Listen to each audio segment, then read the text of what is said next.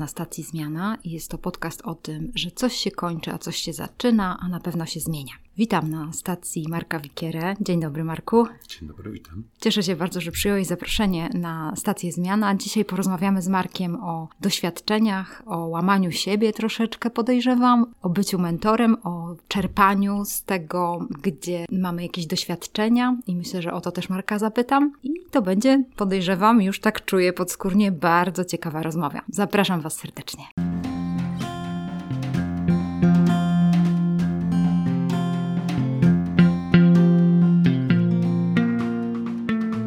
Marku, kiedy patrzę w ten opis twój, kim jesteś, co robisz, to ciężko mi tak jakoś, wiesz, gdzieś zaliczyć, gdzie, gdzie ty się znajdujesz, bo teraz już tak nie ma takich zawodów, jesteś na przykład, nie wiem, górnikiem, czy tam jakimś, jakąś osobą, no nie wiem, księgowym, czy coś takiego. Łatwo jest to sprecyzować, więc chyba będzie najlepiej, jakbyś sam siebie opisał, to będzie najfajniejsze. Ja bym to podzielił na takie trzy może filary. Po pierwsze tak, jestem przedsiębiorcą od ponad 20 lat, tworzę projekty biznesowe, jedne z sukcesem, na innych się potykałem. To jest moje doświadczenie, takie nazywam to twardym biznesem. Drugi element to są właśnie moje treningi mentorskie, moje treningi mentalne, superwizja i trzeci element to jest związany z moją pasją, czyli moje sporty wytrzymałościowe, ekstremalne ultramaratony i triatlony. I dzisiaj o tym wszystkim będę chciała z Tobą porozmawiać. No mam nadzieję, że dam radę, ale miałam taki pomysł, żeby zacząć od y, Twojego bycia mentorem, bo wydaje mi się, że nad tym trochę się zahaczają różne rzeczy. I przyniosłam taki newsletter Artura Kurasińskiego. Chciałam przytoczyć cytat z jego newslettera ze względu na to, że wtedy z Markiem będziemy mieli taki punkt zaczepienia. I Artur Kurasiński pisze coś takiego. Pamiętacie swój najgorszy dzień w kontekście prowadzonego biznesu? Ja przeżyłem swój kilka lat temu kiedy tego samego dnia dowiedziałem się, że zaplanowany projekt, kilka lat przygotowań, nie dojdzie do skutku z powodu, delikatnie mówiąc, mało etycznego zachowania mojego partnera, w innej firmie pożar strawił całą infrastrukturę wraz z prototypami oraz y, dostałem informację z Urzędu Skarbowego o tym, że będę musiał oddać sporą ilość pieniędzy wraz z odsetkami w wyniku błędu firmy księgowej. Pamiętam dokładnie ten dzień. Byłem wściekły, skrajnie zmęczony, załamany i na skraju podjęcia najbardziej idiotycznych decyzji. Nie kontrolowałem swoich emocji, płakałem z wkurzenia, rzucałem po pokoju, co mi wpadło pod rękę, a na koniec usiadłem na podłodze i popadłem w stupor. W tamtym momencie byłem na samym dole. To nie był pojedynczy cios, ale cała ich seria. Doświadczyłem upokorzenia, zdrady, dotkliwej porażki finansowej, a zapowiadało się, że latami będę walczył w sądach z Urzędem Skarbowym. Siedząc na ziemi, wziąłem telefon i wykręciłem numer do mojego znajomego, który pełnił funkcję mego mentora.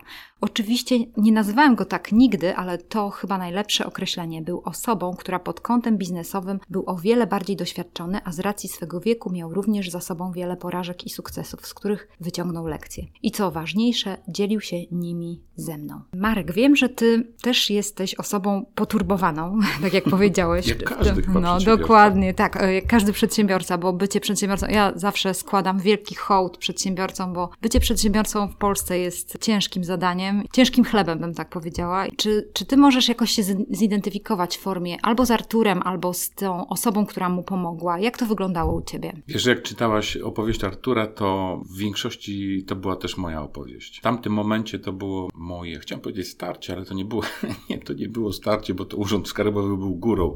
To było moje zderzenie z Urzędem Skarbowym. Nieetyczne zachowanie urzędnika i właściwie firma zniknęła z powierzchni ziemi. Oczywiście to było trochę w czasie rozwleczone i to był właśnie taki moment, kiedy znalazł się ten ktoś, to był moim mentorem, którego nie nazywałem mentorem, a który miał doświadczenie życiowe, biznesowe, starszy ode mnie, który właściwie mnie chyba, wiesz, uratował, bo dla mnie to był taki moment, kiedy właściwie świat mi się zawalił i nie widziałem drogi. I on mi pokazał tą drogę, pokazał, że można żyć w innych okolicznościach. Ja to nazywam drugim obiegiem, czyli wiesz, poza urzędowym można żyć, można zarabiać pieniądze i, i można się z tego podnieść. Trwało 10 lat. 10 lat. Kto wygląda teraz u ciebie? To znaczy, czy rozdrobniłeś swój biznes, czy zaczął, wszedłeś w inny obszar biznesu? Jak... To znaczy tak, ja jestem w kilku biznesach zaangażowany, natomiast podchodzę do biznesu z, z dużym bagażem bagażem doświadczenia, co dla mnie jest zdecydowanym ułatwieniem. Poza tym ten mentor jest przy mnie cały czas. To też mi pomaga w wielu sytuacjach. Natomiast to jest tak jak trochę wiesz tym, z tym moim bieganiem. Jak e, ludzie e, mówią i widzą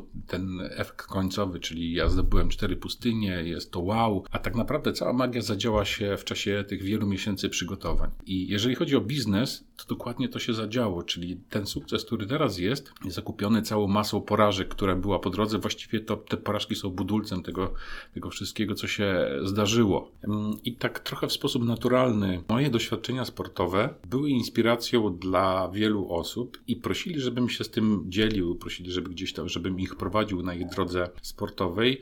Przy okazji okazało się, że to są przedsiębiorcy, więc z tej drogi sportowej zacząłem się też dzielić biznesem i ten mój mentoring właściwie z tego sportowego zrobił się mentoringiem biznesowym, czasem w życiowym, w niektórych, w, nie, w niektórych przypadkach też. Mhm. Wiesz, w ogóle tak sobie myślę o tej idei bycia mentorem, czy w ogóle takiego mentoringu, no wiadomo, że to tak jakoś nazwaliśmy. Być może kiedyś był, że jakiś rzemieślnik od taty dostał jakieś wsparcie i też y, naukę, jak to rzemiosło uprawiać i pewnie mhm. podejrzewam, że gdzieś tam y, się rozwijał w tym. No teraz y, czasy się zmieniły, inaczej to wygląda i... Kiedyś no, nazywaliśmy to był mistrz no, i uczeń. O właśnie, mistrz, mistrz, tak. Mistrz, tak. mistrz i był czeladnik. Aha. Wcześniej w starożytności to był po prostu mistrz, do którego przychodzili uczniowie i uczyli się teraz. Jest to mentor, który chce i dzieli się swoim doświadczeniem zawodowym, życiowym i czasem się zdarza, że on jest młodszy od swojego menti. No tak, może też tak być, bo też w dziedzinie właśnie tych social mediów, na przykład internetu, uczymy się od młodszych, tak, prawda? Tak, zdecydowanie uczę się od młodszych, nie mam z tym problemu. No tak. Podziwiam też ich, ich wiedzę i, i zaangażowanie i zrozumienie mediów społecznościowych. U mnie się, wiesz, pojawiło to naprawdę późno, właściwie to się broniłem przed tym. Wydawało mi się, że media społecznościowe są takie dla mnie, tylko to jest mój, moje prywatne profile i ja się nimi dzielę na tyle, na ile chcę. Wiesz, od kiedy zostaliśmy zamknięci w COVID-zie, w maju się zaczęło od mojego zainteresowania zainteresowania LinkedInem i, i właściwie dopiero wtedy zacząłem po szkoleniu u, też u takiego mojego mentora zrozumiałem, czym jest ten portal, jak można go wykorzystywać. To się trochę przeniosło i na Facebooka, i na Instagrama, chociaż na LinkedInie to jest moja główna działalność, ale ja wcześniej tego nie rozumiałem w ogóle mechanizmów działania tych mediów społecznościowych. Właściwie ponad już rok czasu, wiesz, zdobyłem wiedzę, umiejętności od konkretnego tego mentora, który jest młodszy ode mnie. Z tego powodu też zapraszam wszystkich wszystkich słuchaczy do tego, żeby zajrzeli na LinkedIna Marka. Ja zostawię linka, bo Marek tam naprawdę świetne treści zawiera. Naprawdę czasami jestem mega poruszona i też tam coś skomentuję. Bardzo fajnie włączasz społeczność, to jest y, mega fajne. Sobie też jeszcze wracam do tego tematu mentora, ze względu na to, że, że też sama doświadczyłam tego, że będąc na studiach, to mi akurat takie szczęście przy, przypisało, że, że dostałam mentora jakby już na studiach i z tego powodu też byłam długie lata oddana studentom, żeby oddawać też swój czas na to, żeby pracować z młodzieżą, bo jest taki pierwszy kryzys, on teraz już został jakoś nawet nazwany przez psychologów, tak, taki kryzys ćwierćwiecza, kiedy ma się 25 lat, skończyłeś studia i nie za bardzo wiesz, czy pasujesz, czy jakaś praca pasuje do ciebie i tam dostałam dużo wsparcia. Później pomagałam właśnie w tym dołku wielu osobom i dalej to robię, jeżeli mogę, to zawsze staram się pomóc i tak sobie myślę, kurczę, to chyba coś w tym jest, że co dostałeś, to chcesz oddać, nie? Że... tak, wiesz co, ja, ja znowu odnoszę to do do sportu, bo ja pamiętam jak moją pierwszą pustynię, gdzie sobie pobiegłem i tak mówię, dla siebie pobiegłem. I nie przewidziałem jednego elementu. Kiedy nagle dosta zacząłem dostawać informacje, zainspirowałeś mnie, dzięki tobie, nie wiem, jest 15 kg mniej, biegam, już coś tam robię. Pomyślałem sobie, że ja nie mogę tego zatrzymywać dla siebie i, i moim obowiązkiem wręcz jest y, dzielić się tym i pokazywać, jak można przełamywać granice, jak można marzyć. I to dla mnie jest taka rola, gdzie ja mogę się dzielić i mogę mieć pozytywny wpływ na, czy mam pozytywny wpływ na życie innych ludzi. I, i, i tak jak trochę powiedziałaś, odnosząc się do tego, co powiedziałaś o, o, o Twoich działaniach mentorskich z studentami, ja wychodzę z założenia, że każdy powinien mieć na, na każdym etapie swojego życia mentora. Moje dziecko chodzi do szkoły i wybór szkoły był podyktowany tym, że tutor był w szkole. I oni mają spotkania co tydzień. I to nie jest właśnie spotkanie z ojcem mentorem, bo wiesz, jak wygląda spotkanie, może wyglądać spotkanie nastolatka z ojcem, z ojcem. mentorem. tylko jest to ktoś zewnętrzny. I, I tak jak w moim przypadku, wiesz, ludzie przychodzą do mnie najczęściej z dwóch powodów. Albo z powodu bólu, albo z powodu ekscytacji. Bo wtedy działają. Tych działających z ekscytacji jest naprawdę niewielu. Najczęściej jest to ból, większy, mniejszy. Powiem Ci szczerze, że im większy, tym jest lepiej, bo wtedy menti lepiej pracuje. Mm, bo jest bardziej zmo zmotywowany. To, to, dokładnie tak. I tak sobie pomyślałem, że super by było, gdyby ten wybór mentora był taki świadomy i nie w sytuacji podbramkowej, tylko mam na pewnym etapie pojawiają się jeden, dwóch, to musi być jedna osoba, ale jeden, dwóch, nawet trzech z określonych dziedzin, która prowadzi mnie w moim rozwoju, który jest dobrze zaplanowany. I to jest clue i powiem Ci Marek, że ta cała stacja zmiana to jest to, żeby ludzi zachęcić do tego, żeby zrobili to szybciej, żeby nie robili tego już w bólu. I dlatego zachęcam Was, koniecznie zajrzyjcie do Marka i LinkedInu, bo Marek ma te myśli, że żeby na przykład robić jedną zmianę w ciągu roku, że na przykład sobie planujesz jedną zmianę. Ja przygotowałam na przykład taki formularz, żeby sobie napisać tą misję życiową, później sobie rozpisać te cele na przykład roczne, chociaż czy tam jakieś dłuższe cele, bo każde takie podejście, chociaż trochę, żeby o tym pomyśleć w życiu tak sensownie, no to nas chroni przed tym bólem takim, że gdzieś tam zaprowadzi, ale wiadomo, że też oczywiście takie rzeczy jak COVID nie jesteśmy w stanie przewidzieć. Tutaj teraz to, sytuacja... Wiesz, to jest czynnik no, zewnętrzny, na który no nie masz wpływu. Nie mamy. I, mhm. I, ja się z tym zgadzam, ale ta taka główna idea, myśl, dobrze gdyby była. Ja wiem, że ona się może zmienić, bo losowe rzeczy się też zdarzają. Byłem z Maciejem Zaprojektuj swoje życie i wtedy zdałem sobie sprawę na pytanie o zaprojektowanie swojego życia, że ono się projektowało. I ono się przez długie lata projektowało. Miałem dużo szczęścia w tych moich nawet perypetiach zawodowych, że wiesz, zmiany branży różne następowały i szło to w dobrym kierunku. I dopiero wiesz, po 40 ja zacząłem świadomie planować, jak powinna wyglądać reszta mojego życia. I ja zdaję sobie sprawę, że to się może zmienić, ale mam taką, wiesz, wizję takiego momentu, kiedy jestem, czuję, że jestem e, szczęśliwy, albo że chciałbym, żeby to tak wyglądało. I tak naprawdę moja reszta projektowania jest dokładnie w tym kierunku. Jeżeli nie wiesz, gdzie zmierzasz, to nie ma znaczenia, którą wybierzesz drogę tak mm -hmm, naprawdę. Tak. Mm -hmm. Więc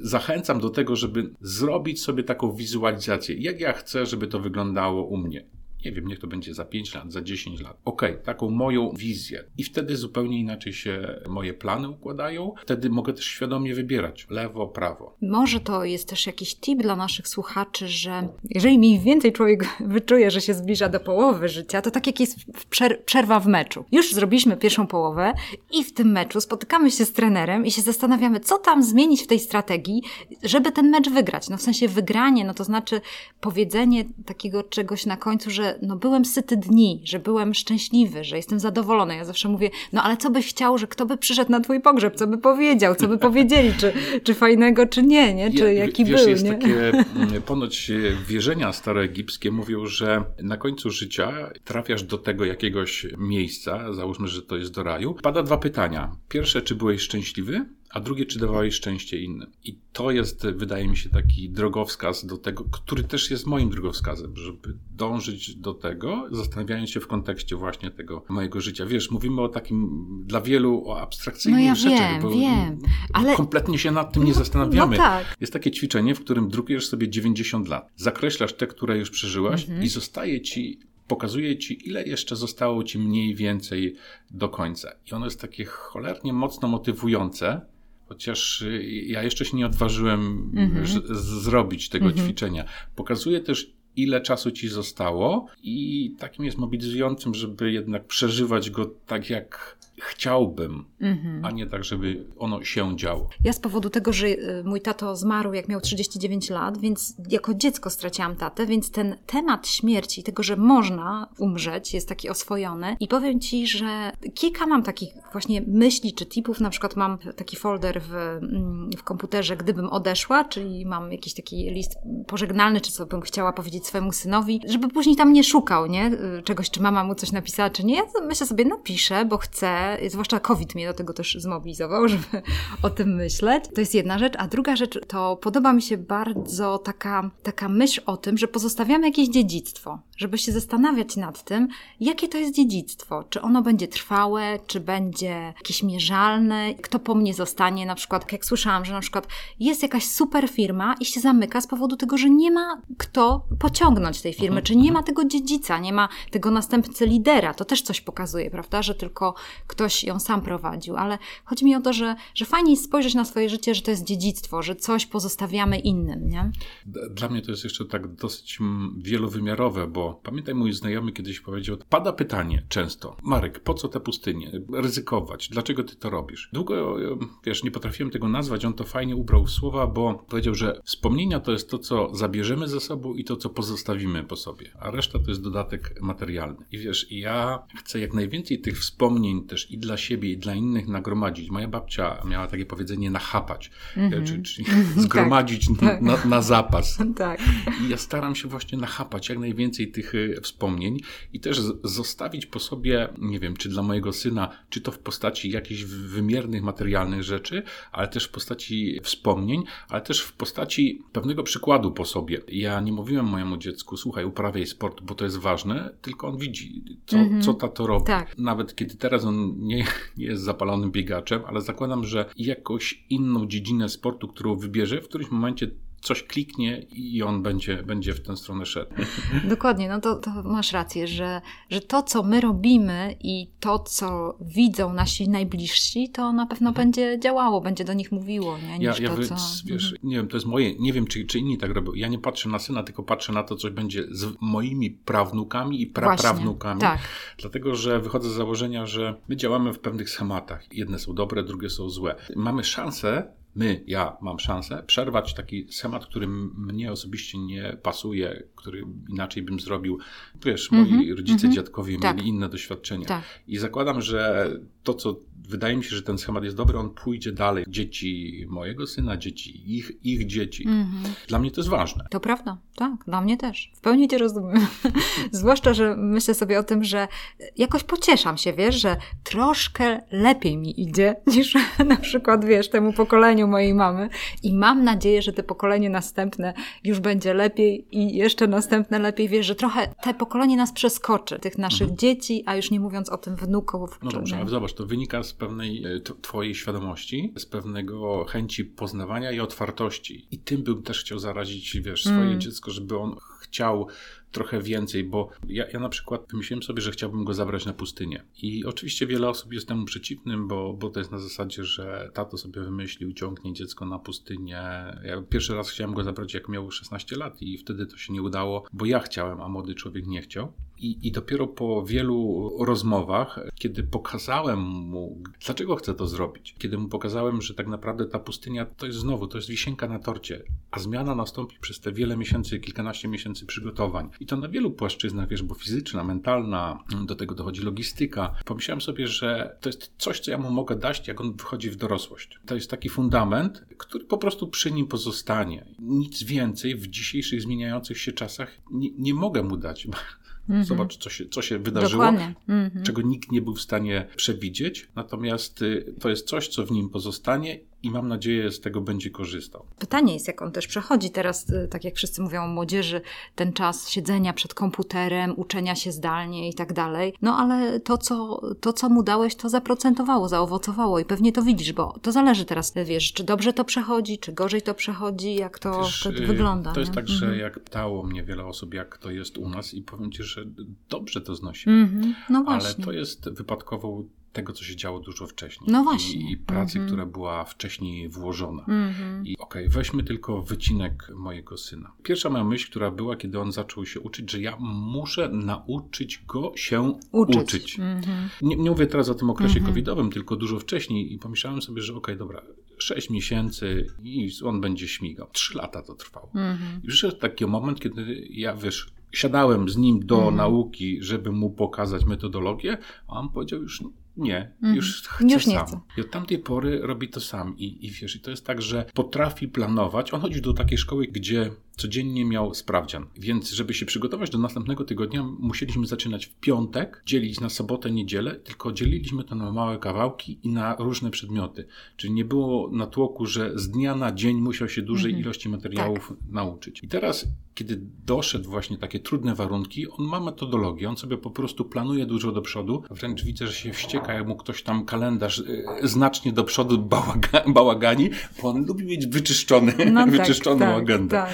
Ale to znowu, to są teraz lata tej tak, pracy, która wcześniej, tak, mm -hmm. która wcześniej została mm -hmm. włożona, świadomego działania mm -hmm. w tym mhm. kierunku. My się tego możemy wtedy od takiego młodego człowieka uczyć, słuchaj, od tego twojego syna, bo on się już tak nauczy i później będzie na pewno innych uczył, nie? Ten ja mam, mam taką nadzieję, bo Aha. staram się, żeby on był na mhm. tyle samodzielny w różnych obszarach, żeby faktycznie też trochę tym zarażał. Tak, tak. I, i, i wiesz, ja, ja wielowymiarowo mówię, bo zobacz, taki wątek na przykład pustyni, na który on by był. Ja jak idę na spotkania z młodzieżą, no to jest taki starszy pan, który pomyślał sobie, że pobiega po pustyniach i, i pobiegał. Ja idę jako ciekawostka. Ale gdyby taki młody człowiek poszedł i opowiadał o tym, co przeżył przez te miesiące tak. przygotowań i o tym, co było na pustyni, to on jest zupełnie inną inspiracją mhm. dla nich. I wtedy on ma szansę od, oddziaływać na innych i trochę pomagać w zmianie ich życia. Tak. Powiem Ci, że taka prosta zasada życiowa, nie wiem, jakoś ludzie tego nie kumają, że co zasiejesz, to zbierzesz, nie? No tak, no wiesz, może dlatego, że już nie widzą tego, tego zasiewu i tego zbioru. Ja tak się na, Wiesz, bo to też jeszcze tak y, wygląda górnolotnie, bo z, zobacz, ja, ja mówię o, że my wpływamy na życie innych ludzi. Dzisiejsze nasze spotkanie wpływa na zmianę i twoją na moje, i moją na mhm. twoje. To są czasem drobne tak, rzeczy. Nie tak. mówimy naprawdę o takich przełomach mhm. życiowych, tylko o prostych czynnościach, które się dzieją. Na przykład byłem ostatnio na wywiadzie, powiadałem też o mentoringu i dzisiaj dostaję po jakimś tam czasie wiadomość, wiesz co, zainspirowałeś mnie. Mi się wydawało, że ten mentor musi trafić na mnie, czyli takie, ja muszę się przewrócić do tego mentora, a, a nie, że mogę świadomnie pomyśleć, poszukać, poszukać mm -hmm, że, go, mm -hmm. że go chcę. I ja, y, ktoś mi zadał pytanie, no dobra, ale jak znaleźć mentora? Niestety, ale drugą prób i błędów. I to jest na mhm. zasadzie, może nawet nie, nie, nie do końca takich dużych błędów, tylko tak, chcę mieć mentora. To jest pierwsza rzecz, pierwsza decyzja. Mhm. Zaczynam się rozglądać, tak. podpytuję znajomych, oglądam, mhm. Kto jest w necie, z tej puli staram się wybrać. Potem jest mój pierwszy kontakt, patrzę, czy jest chemia. To jest cały proces, który się dzieje i na podstawie którego wybieram. Jak będę miał już pierwszego, będę miał doświadczenie mhm. i wtedy mogę powiedzieć, to nie jest to, czego szukam, mhm. albo wow. No właśnie, dokładnie, zakliknie, nie? Zakliknie, no. czyli znowu mhm. wróciliśmy, świadomy tak, proces. Tak, że zaplanowałem to, chcę pomocy, a no i bo, mogę poprosić. Wiesz, bo ja, ja, też wychodzę z założenia tak, e, dla, dlaczego akurat mentor? Mnie jako mentora nie ogranicza to, co jest na przykład w coachingu, czyli mhm. ja tylko pytam, a ja wychodzę z założenia, że dzisiejszy świat na tyle przyspieszył, że jeżeli ja jako mentor mam doświadczenie, mogę Ci pomóc szybciej ruszyć, albo przeskoczyć jakiś tam mur, albo żebyś nie wpadł na jakiś mur mhm. E, i nie rozbił się tak, jak mnie to się zdarzyło, to od tego ja jestem. Ty na pewno trafisz na swoje in, inne tak, mury tak, i tam tak. będzie ciężko, ale w tych momentach, w których ja jestem, pomagam ci, żeby to było szybciej, bardziej. Właśnie wczoraj wróciło do mnie coś takiego, bo miałam spotkanie już takie jakby w innym kontekście i osoba, którą kiedyś pomagałam, jak była młodsza, i ją mentorowałam. Nigdy nie pamiętam tego, że, że powiedziała mi, co, co prawda taka trudny feedback, że nie umie przepraszać. Proste zdanie, że zwróciłam jej na to uwagę, oczywiście w takim, prawda, w miłości, nie? W sensie mhm. takim, żeby to było miłe, a nie, nie podane tak, wiesz, jakoś ostro. W każdym razie ona powiedziała, że to bardzo dużo w jej życiu zmieniło, bo ona sobie zdała sprawę, dlaczego to robi. Nie widziała tego w domu, po prostu nie nauczyła się tego. Jak ja jej to powiedziałam, to ona zaczęła się po prostu uczyć, w tym rozwijać i myślę sobie, kurczę, jak ja bym jej zadawała teraz jako coach milion pytań. Jestem ciekawa, czy ona w ogóle kiedykolwiek sama by doszła do tego. Więc takie ciekawe to jest, że można pomóc. Zwłaszcza przy rozwoju charakteru to jest bardzo pomocne. Mhm. Wracając do tego, co powiedziałaś. Nie wiemy, gdzie siejemy i nie wiemy, jaki i kiedy przyniesie to plon. Oj, tak. Mhm. A to się po prostu cały czas dzieje. Wrzuciłem kiedyś na LinkedInie taki post, y, przypnij komuś skrzydła. Wiesz, wydaje się, że to powinno być w formie jakiejś takiej, nie wydumanego słowa, zdania, czegoś A to może być, ja, ja stosuję to w wielu wypadkach, kiedy życzę dobrego dnia, do swoich klientów wysyłam SMS-a, dobrego dnia. Mhm. I oni są już, wiesz, przyzwyczajeni.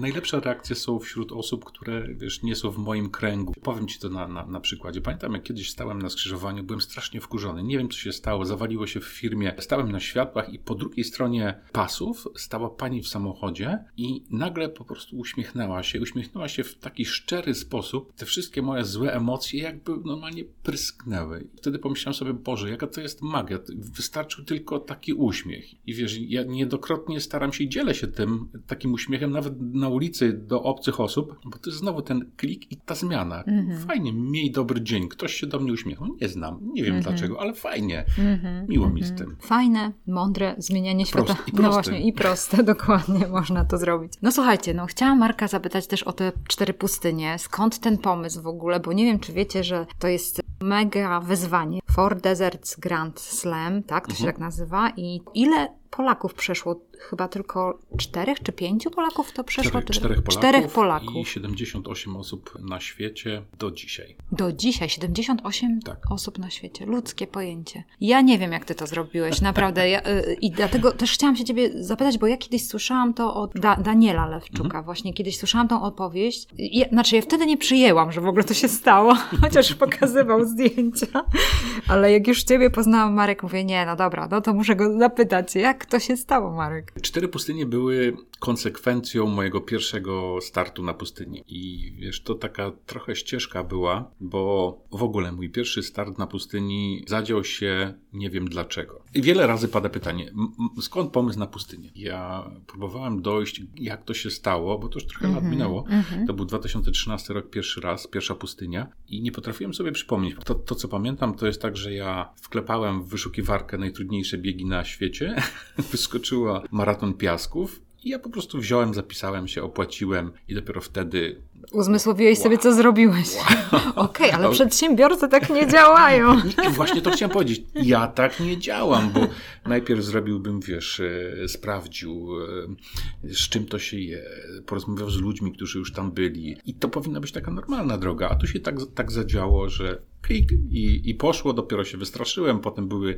miesiące przygotowań, dopiero potem były te rozmowy z ludźmi, potem były treningi i start w kwietniu 2013 roku na Saharze wylądowałem. Te cztery pustynie, czyli Four Deserts, były trochę pustką, która pojawiła się po zakończeniu tej pierwszej pustyni. I wiesz, żona mówiła, ja często zamyślony byłem, halo, gdzie jesteś? Dwa, trzy miesiące to trwało, mm -hmm. a ja byłem myślami na, na pustyni. To był tak totalny reset i takie przewartościowanie wartościowanie, które gdzieś tam nastąpiło, że ja z przyjemnością wracałem tam myślami. Ponieważ miałem to szczęście, że w czasie biegu jakiś kolega mówi: Słuchaj, jest taki bieg na Gobi. Nie, nie, nie brałem tego poważnie, ale zapisałem sobie nazwę. Jak właśnie ta pustka się pojawiła, to wklepałem w wikiewarkę, zobaczyłem Four Deserts. Mówię, cztery pustynie, super, fajnie. Raz, dwa, trzy, na cztery lata mam plan, spokojnie będzie można startować. No i do mojego przyjaciela biegowego wysłałem informacje, potem filmiki i tak żeśmy crossmodowali. Wow, wow, fajnie, słuchaj, to jest świetny plan. I nagle on przesyła informację, no dobra, to robimy w rok. No i wtedy się jeszcze bardziej wystraszyłem. Mówię, jak w rok? No właśnie, Przecież to, to jest niemożliwe, to jest tysiąc kilometrów tak. po pustyniach. Nie no, w rok to jest super, zobacz, jeszcze żaden Polak tego nie zrobił. Fajna zabawa będzie. Długo mnie nie namawiał, słuchajcie, za chwileczkę już byłem zapisany i, i tak rozpoczęły się przygotowania do, do tych czterech, do czterech pustyń, czyli do tych biegów. W lutym 2014 roku wylądowałem na pierwszej pustyni, na Wadi Rum w Jordanii, czy wtedy już drugie 250 kilometrów.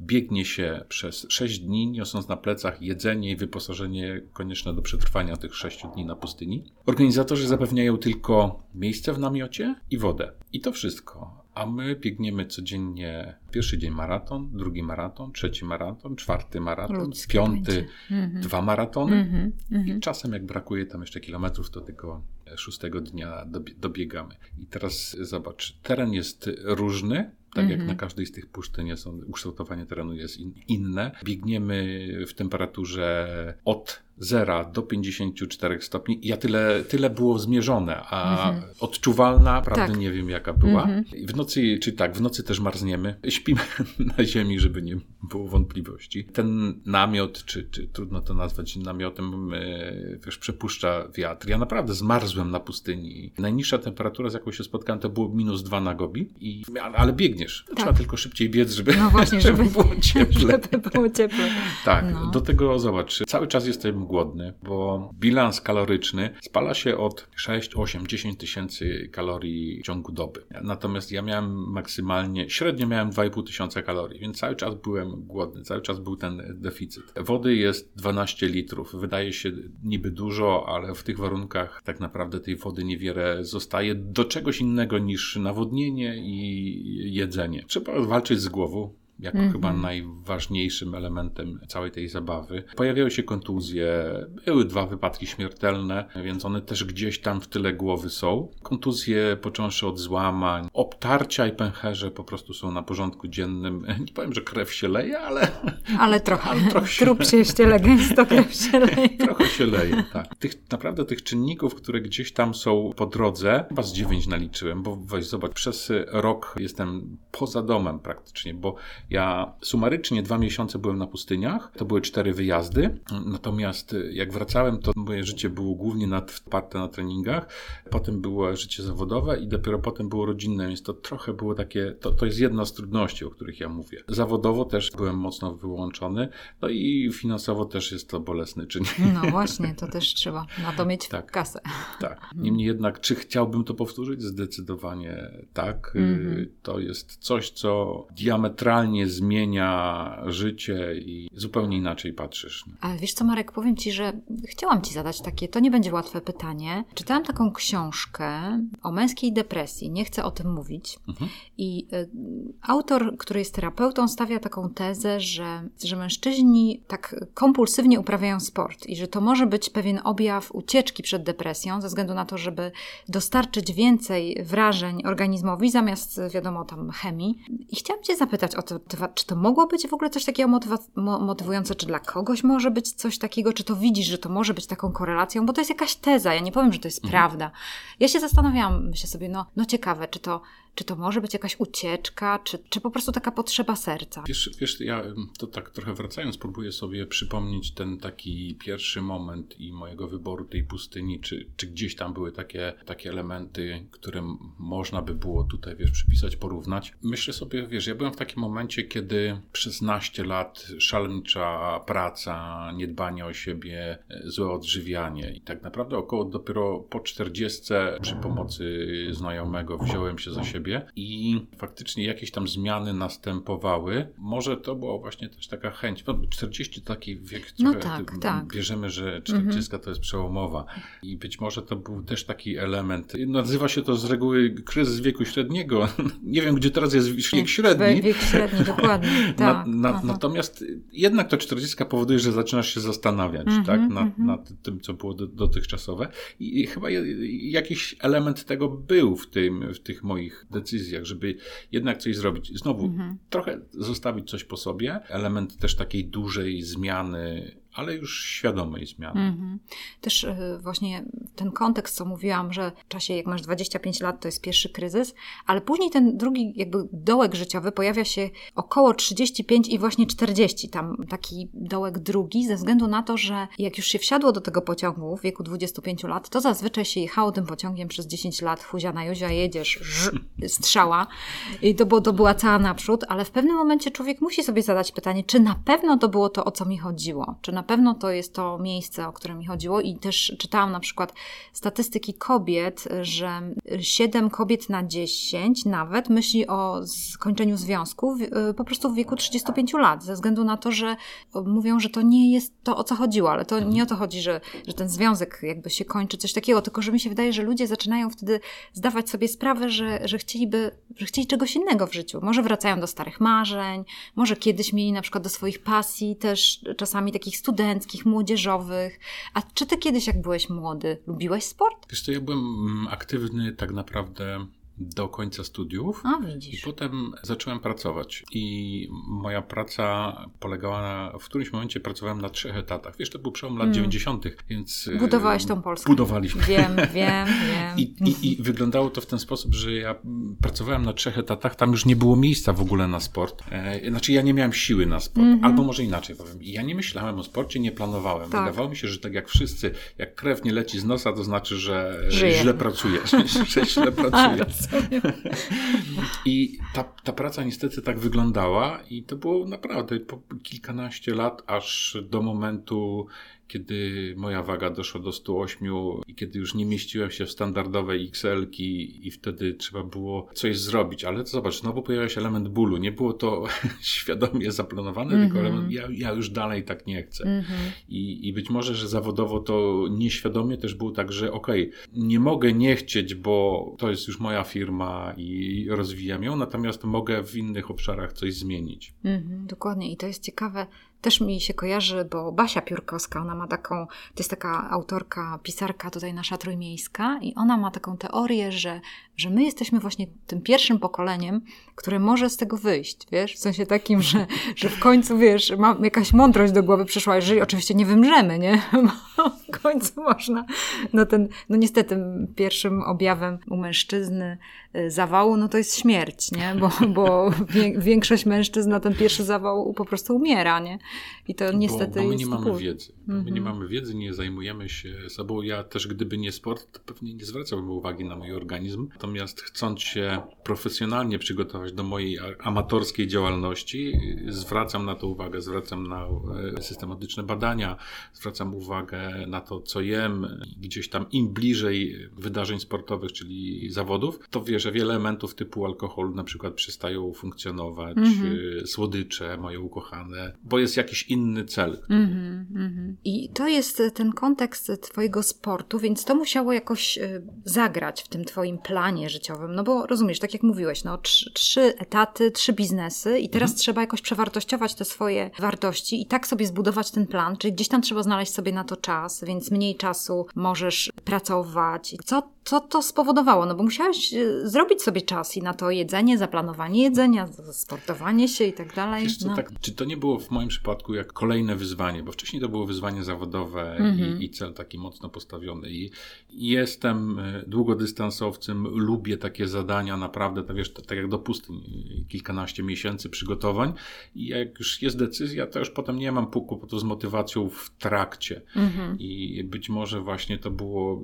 trochę łapanie balansu, czyli wyjście z życia zawodowego po to, żeby wrócić trochę do sportu i też zająć się czymś innym, a nie tylko prowadzeniem biznesu i osiąganiem gdzieś tam kolejnych celów w biznesie. Jak sama tak sobie myślę o swoim życiu, to dzięki tym mentorom, których tam miałam albo sobie wybrałam, to dużo osób właśnie pomogło mi, żeby ten balans łapać nie? w tych różnych dziedzinach, żeby tak planować swoje aktywności, czy zaangażowanie w pracę, czy nawet to, ile potrzebuję pieniędzy, no bo przecież gdzieś musi być ten, te miejsce, że mi tyle wystarczy, prawda? No bo tak inaczej to się zapracuje na śmierć. Myślę sobie o tym, że no jakoś trzeba sobie myśleć o tym, że, że tu pracuję, tu się sportuję, tutaj coś robię, więc to jest też takie ważne. Wiesz, to jest tak, że mhm. myślisz, no jest takie proste ćwiczenie, czyli masz koło życia i tam mhm. jest sześć elementów. I tak. fajnie jest wziąć te sześć elementów świadomie i zobaczyć, co ja bym chciał z tych elementów gdzie jestem, czyli bilans otwarcia i nie wiem, za rok, za pięć, wybrać sobie jakąś taką datę i spróbować wymyśleć, jak to miałoby wyglądać. To jest trochę już wskazanie drogi, do której ja, ja idę, bo jak pytają mnie, jak się przygotowywałem do pustyni, od tyłu, czyli ja wiedziałem, że jest data startu i od tej daty startu planowałem do tyłu, jak mają wyglądać moje treningi i poszczególne rzeczy, które mam w, w, tym zrobić. Czyli to były takie trochę kamienie milowe, które mnie przybliżały do, ale to planowanie od tyłu pokazywało mi, w jakim ja momencie jestem teraz i czy ja muszę przyspieszyć, mm -hmm, żeby wpaść w ten rytm, mm -hmm. czy mam, mam trochę czasu, trochę mogę iść w trochę spokojniejszym tempie. Mm. No i powiedz Marek. I to koło życia a, to jest właśnie a, takim zaplanowaniem. To musimy to podlinkować. Od, mhm. od, od tyłu tak mhm, naprawdę. Mhm. Czyli ja chcę dojść do tamtego punktu, w związku z tym po drodze muszę wykonać określone rzeczy. A drugim ćwiczeniem jest tak, te, te takie mniejsze kroki, które robisz, to, to z klientami jak pracuję, to jest na, na zasadzie a co jeśli? A co jeśli nie wiem, pójdę drogą A Mhm. Dobre, czy jest jakaś odpowiedź, I jak, czyli mogę, jestem w punkcie A, potem idę do punktu A1, A2 i co będzie? A co jeśli wybiorę A1, a co jeśli wybiorę A2? I co się stanie, jak wybiorę, wiesz, mhm. A2, wtedy się pojawia mhm. kolejne. I w ten sposób staram się jak najwięcej dać odpowiedzi, aż, aż, aż nie wiem, ten obraz, do którego chcę dojść, chcę zbudować, poczujesz, tak, to jest to, co chcę robić. I jak patrzysz teraz wstecz na to, czego doświadczyłeś na tych pustyniach, no to na pewno widać, że nawet to planowanie i to dojście do tego celu, nawet to, co powiedziałaś o sobie, że wiesz, że już w trakcie, kiedy w to wejdziesz, to już nie masz problemu z motywacją, to też sam siebie sprawdziłeś. Ale co jeszcze ta pustynia ci dała, Marek? Bardzo mocno wpłynęła na moje relacje z moją żoną i z moim dzieckiem. I dla mnie taką wisienką emocjonalną na tym torcie tych moich pustyń Pamiętam, jak było na pustyni Atakama, był taki moment, kiedy udało się, że telefon złapał sygnał i próbowałem porozmawiać z żoną, powiedzieć, że wszystko jest ok. Że... I nie, powiedzia... nie powiedziałem ani jednego słowa, bo wiesz, takie duże było wzruszenie i, i znowu na pustyniach jesteś sam i w czasie przygotowań do pustyni też jestem sam i to są tysiące godzin spędzone w samotności, gdzie możesz przemyśleć sobie wiele tematów. I znowu ta moja reakcja, która się zdarzyła na pustyni, była trochę podsumowaniem tego, co się stało było też znowu pewnych podsumowaniem, tak jak powiedziałaś, tego mojego 40-letniego życia i stąd pewnie gdzieś tam się to wzruszenie pojawiło i myślę, że to miało ogromny wpływ, nawet, nawet nie sama pustynia, tylko znowu te przygotowania miały wpływ na, na moją relację i też na moją relację z, z synem. To też dla mnie jest taka duża, duża wartość tego projektu. Trochę mi to przypomina, co mówisz, tak wybór na przykład, nie wiem, pustelniczego życia albo wiesz, takiego, że ktoś coś robi po to, żeby być sam, żeby coś przeżyć, żeby właśnie się zatrzymać, przemyśleć. Mhm, mhm. Wiesz, tylko mhm. zobacz, ja tak, tak jak wracając to trochę do tego mhm. twojego pytania, kilkanaście lat szalonej pracy. Tak. Co było mnie w stanie zatrzymać? No właśnie, właśnie. Coś takiego dużego, pustynia, czyli żeby tak. wyrwało mnie z takiego, wiesz, z tego kieratu, w którym byłem, który wydawał mi się jedyny słuszny, dobry, skuteczny, to musiało być tak. starcie z czymś naprawdę dużym. Tak, Marek, dokładnie. I wiesz co, i sobie myślę, tak jak czytam różne autobiografie, to może być po prostu też jakiś y, zdrowotny kłopot. Ty, ty wybrałeś tak, to, że tak. poszedłeś w kierunku zdrowia, tak jakby to cię też napędziło, że, mhm. że teraz jesteś w świetnej kondycji, świetna forma i, i wiesz, i radość, nie? A, nie jakieś problemy zdrowotne, nie? Bo wtedy po prostu też kogoś coś zatrzyma, nie? Na ileś tak, czasu. Tak, tak, no. tak, zdecydowanie. Wiesz, to było takie ciekawe, teraz przypomniałaś mi, bo ja patrzyłem na moich kolegów, najczęściej w tych wynamiotach, którzy, w których spaliśmy. Tam był pełen przekrój społeczeństwa, bo nie wiem, na Gobi były dwie gospodynie domowe, które opowiadały, że powiedziałam staremu, że jadę na pustynię sobie pobiegać i po prostu sobie pojechałam. One wiesz, do tej pory tylko dziećmi się zajmowały wychowaniem dzieci. I, i zażartowały sobie tak i, i we dwie zaplanowały i wyjechały. Był na przykład policjant z Kajmanów, też z Meksyku. Były żołnierz po kilku misjach Iraku. Były osoby, które gdzieś tam w trakcie rozwodu były i każdy zabiegiwał coś innego. Mhm. No właśnie, właśnie. Ja tylko mogę się z tobą podzielić tym, że to jedną rzecz, którą zrobiłam, to siostra mnie namówiła, żeby pójść Camino. To jest taka mhm Droga do Santiago i ona w gruncie rzeczy, jakby no, jak na moje możliwości, no nie była aż tak strasznie kurzająca. Może wkurzające było to, że, że idę z siostrą, bo to jest, wiesz, bliska relacja, ale łatwiej by było samemu niż, tak. niż e, tak jak tam mężczyźni się dzielili, mówili, że kiedyś szli z żoną i żałują bardzo tego. Ja mówię, ale dobrze, przynajmniej wasz charakter się ścierał. Ale to jest doświadczenie, no przemyślenia. Na pewno to było coś takiego, że to był jakiś reset i kilka tam przemyśleń miałam i to bardzo się z Tobą utożsamiam, że jak wróciłam, to jeszcze moja głowa była na kamino. Ona ciągle szła e, gdzieś, bo to dwa i pół tygodnia szłyśmy i mhm. ja ciągle tam szłam. I później różne rzeczy stamtąd zbierałam i do tej pory zbieram, więc to jest naprawdę ciekawe doświadczenie. I wiesz co, w tym kontekście mam do Ciebie pytanie, czy, czy będziesz potrzebował następnego takiego doświadczenia, czy powiedziałeś wystarczy? Bo ja Ci powiem, że ja powiedziałam, że tak, że ja już byłam i ja już tam nie muszę wracać. Pamiętam, że jak skończyłem cztery pustynie, to oczywiście znajomi pytali, co dalej. No właśnie.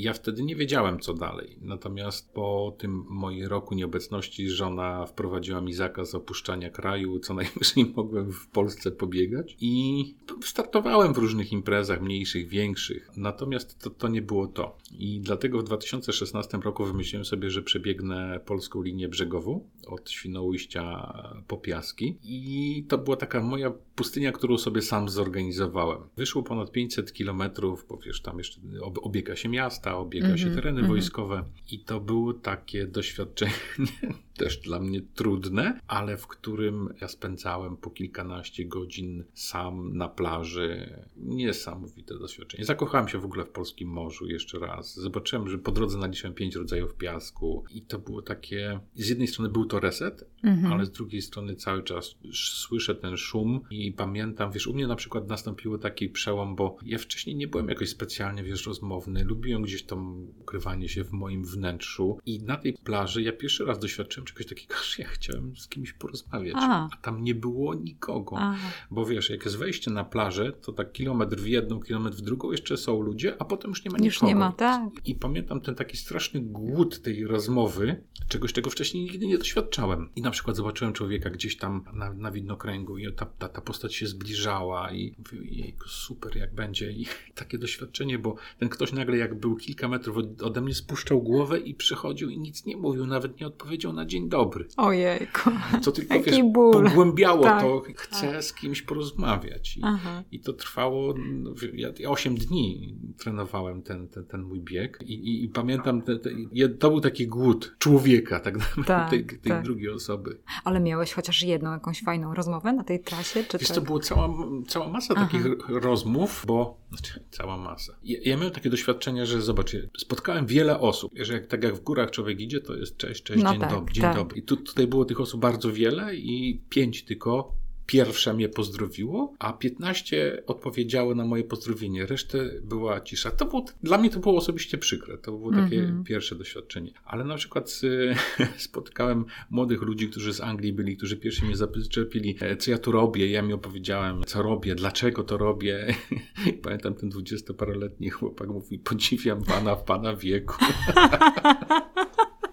To było moje takie ulubione i śmieszne do, do końca. Tak naprawdę z dużą życzliwością się spotykałem tych osób, które gdzieś tam po drodze opowiadałem im, co, dlaczego ja to robię. Mm -hmm. Pamiętam, że mocno mnie dopingowali. Też świetne wiadomości dostawałem od osób, które gdzieś tam śledziły, bo ja byłem widoczny na, na trackingu i też dopingowały mnie gdzieś tam na, całym, na całej tej trasie tych moich dokładnie 567 km. I to było, mm -hmm. wiesz, to była ta moja no pustynia, właśnie. którą sobie wymyśliłem. Tak, tak. I potem znowu. Mhm. Co? Pustka. Co? I chyba z półtora roku to trwało. I kiedyś w czasie śmiesznego biegu, to się nazywa piwna mila. Żartuję sobie, że już po czterech piwach byłem, więc decyzja nie była jasna. Bieg polega na tym, że wypija się piwo, biegnie 400 metrów, potem drugie, trzecie i czwarte.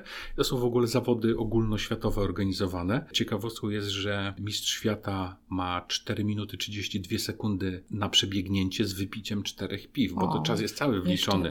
Nie, więc, więc to są na, na, no, poważnie podchodzimy do tego no, tematu. Rozumiem. I będąc już po tych czterech piwach, kolega mówi, zobacz jaki świetny filmik. Ja patrzę się, a tam normalnie triatloniści z promu samochodowego w Norwegii, to dokładnie jest, skaczą tam do wody w fiordach. Mówię, wow, to jest to. I od tego momentu zaczął się triatlon. Oczywiście on nie mógł być normalny, bo musiał być ekstremalny. Aha. I zacząłem się przygotowywać do Hardej Suki. To jest taki najtrudniejszy chyba w Europie, jeżeli nie na świecie, ekstremalny triatlon, gdzie płyniemy 5 km w wodach jeziora Orawskiego. To jest tak z 10-12 stopni. Później 225 km wokoło Tatr i przewyższenie Osznie. 3000. No i potem 55 km granią Tatr czyli przewyższenie około 5000 metrów. Dwa razy startowałem i dwa razy nie ukończyłem i to była sroga lekcja. O, wow.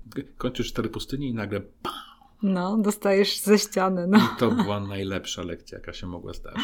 No proszę bardzo, proszę. Wiesz, i, mhm. i potem już jak znowu była ta harda, mhm. to ja teraz pomyślałem sobie, że nigdy nie dopuszczę do takiego momentu, kiedy ja nie będę miał zaplanowane. Nie chcę tej pustki, w mhm. związku z tym, wiesz, ja już mam zaplanowany start z synem na pustyni, mam zaplanowany triatlon ekstremalny na Saharze w Algierii w 23 roku i ja sobie robię to takie wyprzedzenie, mhm. czyli mam plan, do którego dążę, żeby raz w roku pojawiała się taka duża impreza, do której ja spokojnie będę się przygotowywał. Mhm. Dziwnie, spokojnie tu zabrzmi. No właśnie, tak. Raczej to jest wyzwanie. No. Tak, tak, bo to takie treningi triatlonowe to jest 12 no. do 16 godzin w tygodniu, no, więc tak, one nie są dokładnie. takie spokojne. Tak, i trzeba na to wszystko poświęcić czas, nawet to jest jedna rzecz. Ale wiesz co, Marek, w tym kontekście nasuwa mi się pytanie, jakbyś mógł powiedzieć, bo powiedziałeś, że to jest ważna, ta głowa jest ważna. Co tam jest ważne w tej głowie? Co, co tam trzeba sobie ustawić, żeby zrealizować do końca ten bieg? Pytają mnie też y, zawodnicy, jak sobie radzić w takich momentach. Ja mówię, po prostu trenuj głowę. I tak samo jak do treningu fizycznego, tak ja podchodzę do treningu mentalnego. Bo ja na przykład jechałem, jadąc na pustynię, na takiej zasadzie, że ja jadę tam zrealizować konkretny cel. Moje zadanie. I ja się nie zastanawiam, że przede mną jest 250 kilometrów, że będzie bolało, będzie zmęczony, będzie mi się chciało pić. Ja mam tylko w głowie, jadę zrealizować cel, będzie to trwało tylko 6 dni, to będzie tylko 250 km, tak, będzie bolało raz lepiej, raz mocniej, raz słabiej i to jest tylko 6 dni, czyli tam na pustyni ja realizuję cel, ale ja przygotowuję się już w kraju do tego. I teraz te moje przygotowania w kraju polegają na tym, no jednym z elementów jest taki, że ja, nie wiem, wychodzę na trening bez względu na pogodę. I tak samo się może zdarzyć na pustyni, bo mm -hmm. tam jest i mhm. gorąco, ale też zdarzały się, że padał grad i, i padał deszcz i było bardzo zimno.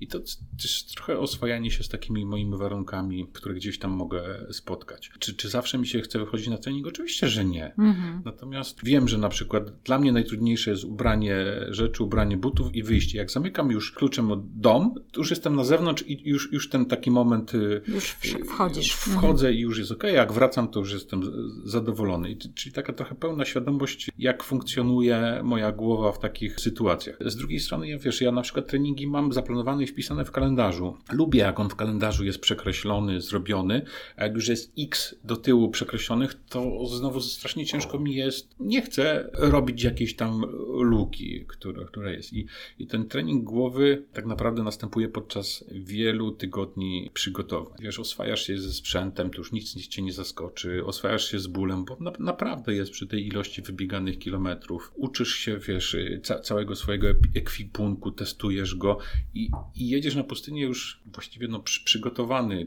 Ja właściwie to, co mnie mogło zaskoczyć, to tylko takie losowe wypadki. Nic, mm -hmm. nic więcej. Mm -hmm. W związku z tym ja innych, innych obaw i lęków nie miałem. No, wiedziałem na jakim etapie jestem wytrenowania. Miałem zgromadzony sprzęt i miałem przemyślaną strategię. To wszystko się składa na to, że tam ja jestem spokojny i, i, i, czuję się przygotowany, działam według określonego schematu. Ciężki trening wytrwałości, ale z drugiej strony wiemy o tym, że, że on się nabudowuje nawet już od młodości. Jeżeli wiesz, wykonanie na przykład, nie wiem, iluś 20-40 zadań z matematyki, ja akurat, wiesz, jestem po Politechnice, iluś tam zadań z fizyki, już nie chcesz po prostu tych zadań, już mówisz, no nie, no znowu się nie uda, nie, albo coś tam, no nie, nie może się, no po prostu robię następne, następne, następne, nie, i się ja, ja, uczę wiesz, tej ja lubię, Tak, nie? tak, ja lubię no. po prostu mieć to gdzieś zaplanowane. Nie było takiego momentu, kiedy głowa się będzie zastanawiała, czy mi się chce, no czy właśnie. mi się nie chce, a tak. to kolejny raz, a, tak. a uda się, nie uda uda, ja wolę to przelać na plan, wolę to przelać na papier, na kartkę tak. fizycznie. Robię też takie swoje ćwiczenia mentalne, czyli to, co powiedziałem, ten kalendarz z przekreślaniem. On jest zawieszony w miejscu, w którym ja jestem często w ciągu dnia, żeby też podświadomie to podziałało, czyli że, że, że widzę, nawet jak nie patrzę, to gdzieś ta kartka jest, wiem, że jestem w czasie realizacji mhm. zadania. Czasem e, dorzucam do tego jeszcze sobie, nie wiem, typu żółte karteczki, które gdzieś są dodatkowo przyklejone, żeby żeby o określonych jakichś tam rzeczach mi przypominały. Staram się, żeby to nie tylko było w głowie, bo dla mnie to, to co w głowie, to jest, nie powiem, że marzeniem, ale takim przygotowaniem. Ono musi mieć fizycznie, a papier już jest fizyczny. Ja naprawdę jestem, kocham notatki i kocham mm -hmm. papier, jego szelest i, i, zapach. I on jest taki wymierny dla mnie mm -hmm. i na przykład, wiesz, ja zrealizuję coś, to lubię podrzeć tą kartkę jako zrealizowane zadanie, odhaczone mm -hmm. w głowie. I w mhm. ten sposób też podchodzę do zadań, wiesz, sportowych i, i tak naprawdę też biznesowych. Wiesz co, y, i w tym kontekście to myślę sobie o tym, że to jest mega, no mega zasób, nie? Jedna z rzeczy, które tak jak patrzę sobie na twoje życie, no to przykro mi, że doświadczyłeś różnych rzeczy związanych na przykład z biznesem, czy tak jak mówiłeś o tym urzędzie skarbowym, czy takich y, perturbacji. A zupełnie niepotrzebnie. No. Bo ja bym nie był w tym miejscu, w którym no jestem. Właśnie. No właśnie. I, I, to jest tak, tak, że dopiero po latach ja zrozumiałem, mm -hmm. że fundamentem sukcesu jest cała masa porażek, że to jest tak jak z tą górą lodową. Mm -hmm. My widzimy tylko czubek, a te u spodu to są te wszystkie porażki, które nas E, ukształtowały. I, I, pamiętam, jak chyba ostatnio taki obrazek, gdzie nie wiem, czy to są słowa Jordana, kiedy on mówił, że miał 9 tysięcy nietrafionych e, piłek do kosza, gdzie 26 razy przez jego ostatni rzut y, drużyna przegrała, ale i tak jest mistrzem w tym, co zrobił. Mm. Więc y, powinniśmy się oswajać albo mieć świadomość tego. Okej, okay, no to może nie porażka, niektórzy mówią na to wyzwanie.